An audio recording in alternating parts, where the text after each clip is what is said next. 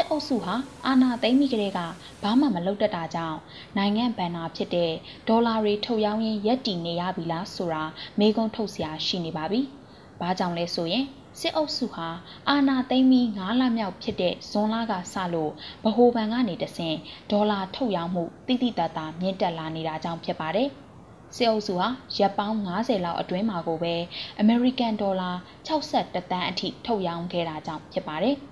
မင်းအောင်လှိုင်ခေါင်းဆောင်တဲ့စစ်အုပ်စုဟာဗဟိုဘဏ်ကနေတဆင့်ဇွန်လနောက်ဆုံးပတ်ဖြစ်တဲ့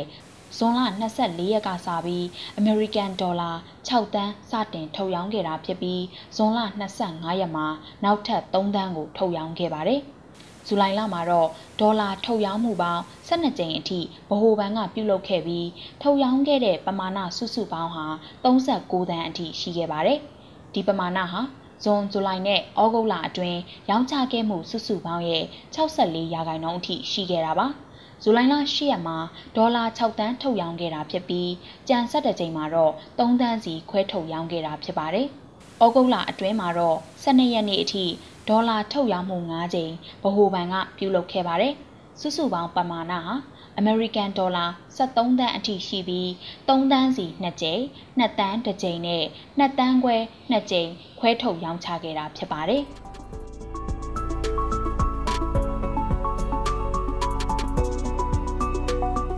ဖေဖော်ဝါရီ၁ရက်စစ်တပ်အာဏာသိမ်းပြီးနောက်ဒေါ်လာနဲ့ပြည်တွင်းကျပ်ငွေလဲလှယ်နှုန်းတွေကမောက်ကမဖြစ်ကုန်ပါတယ်။အာဏာသိမ်းပြီးကိုဗစ်ကြောင့်တက်နေတဲ့စီးပွားရေးလုပ်ငန်းတွေလုံးဝရပ်ဆိုင်းကုန်တာ။ ပြည်ပကလာရောက်အခြေစိုက်လုပ်ကိုင်နေတဲ့ပြည်ပစီးပွားရေးလုပ်ငန်းတွေပြန်ကုန်တာကြောင့်နိုင်ငံစီးပွားရေးထိခိုက်ကုန်တာကြောင့်ပြည်တွင်းမှာကြက်ငွေကင်ထားသူတွေဟာဒေါ်လာပြောင်းကင်လာကြတဲ့အတွက်ဒေါ်လာဈေးမာလာပြီးအာဏာမသိမ်းခင်ကာလက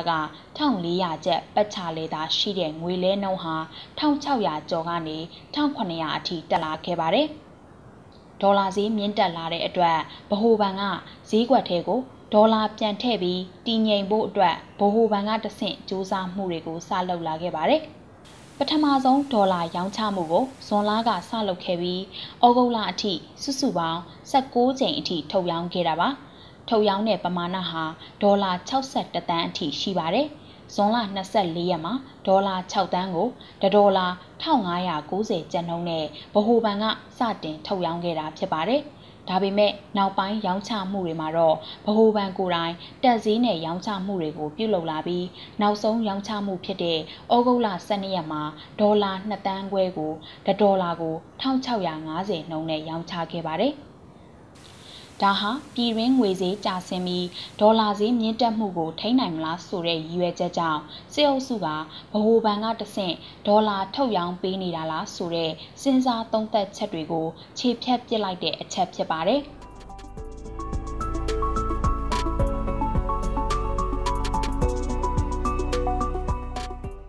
မရှိရင်ငွေရိုက်ထုတ်တတ်တဲ့စေအုပ်စုက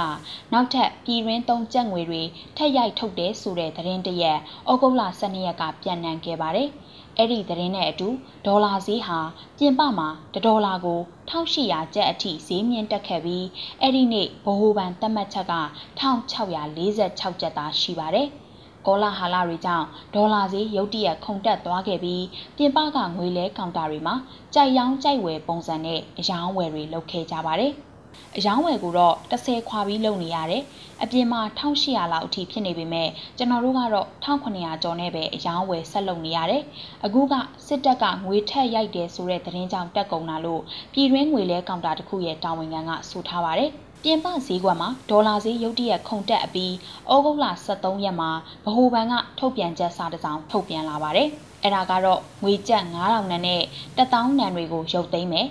ဘဏ်တွေပိတ်မယ်ဆိုတဲ့သတင်းတွေထွက်နေပြီးဘဏ်တွေကနေငွေထုတ်ယူမှုတွေရှိနေကြောင်းဗဟိုဘဏ်ကငွေရေးကြေးရေးစနစ်တည်ငြိမ်ရေးကိုအလေးထားဆောင်ရွက်နေပြီးဘဏ်တွေကလည်းခိုင်မာစွာရှိနေကြောင်း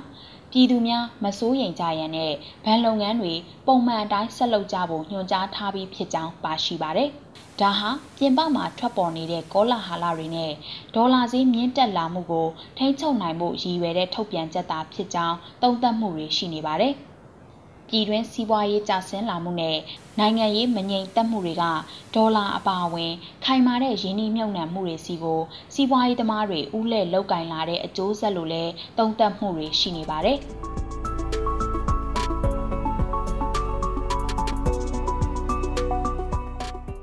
ဖေဖော်ဝါရီတရက်စစ်တပ်အာဏာသိမ်းပြီးချိန်ကစလို့ဒေါ်လာဈေးအပေါ်တက်ရောက်မှုတွေရှိခဲ့တာပါ။ အမေရိကန်နိုင်ငံမှာရှိတဲ့နိုင်ငံခြားအရန်ငွေထိမ့်သိမ်းခံထားရချိန်စစ်အုပ်စုဟာစစ်လက်နက်ဝယ်ယူတာကိုဗစ်ဆေးဝယ်ယူတာနဲ့ပြည်တွင်းသုံးငွေလိုအပ်ချက်အတွက်နိုင်ငံတွင်းကအဖွဲ့အစည်းတွေကိုဒေါ်လာထုတ်ရောင်းနေတာကြောင့်တဖြည်းဖြည်းချင်းလျော့နဲလာနေပြီလို့ခံမှန်းလို့ရပါတယ်။ နိုင်ငံဟာငကိုကလေးကနိုင်ငံခြားကုန်သွယ်မှုမှာလူငွေတောက်လျှောက်ပြခဲ့ပြီးလိုအပ်ချက်ကိုကမ္ဘာအဖွဲ့အစည်းတွေကချင်းငွေတွေနဲ့ဖြည့်ရှင်းခဲ့ရတာဖြစ်ပြီးစစ်တပ်အာဏာသိမ်းလို့ဒီအကူအညီတွေကရပ်ဆိုင်းနေပါပြီ။စီးပွားရေးကျဆင်းလာတာကြောင့်နိုင်ငံခြားကုန်သွယ်မှုကျဆင်းတာဗန်စနစ်ထိန်းချုပ်ခံရတာကြောင့်တရားမဝင်လုပ်ငန်းတွေအပြန်ကောင်းလာပြီးတရားဝင်လမ်းကြောင်းတွေမတုံးတော့တာ။ ပြည်သူတွေအခွန်မဆောင်တော့တာနိုင်ငံနေရာစုံကဆန္ဒပြတော်လှန်မှုတွေကြောင့်စစ်အုံစရိတ်မြင့်တက်လာတာအစိုးရငွေတိုက်စာချုပ်တွေထုတ်ရောင်းပြီးငွေရှာပေမဲ့မအောင်မြင်တာ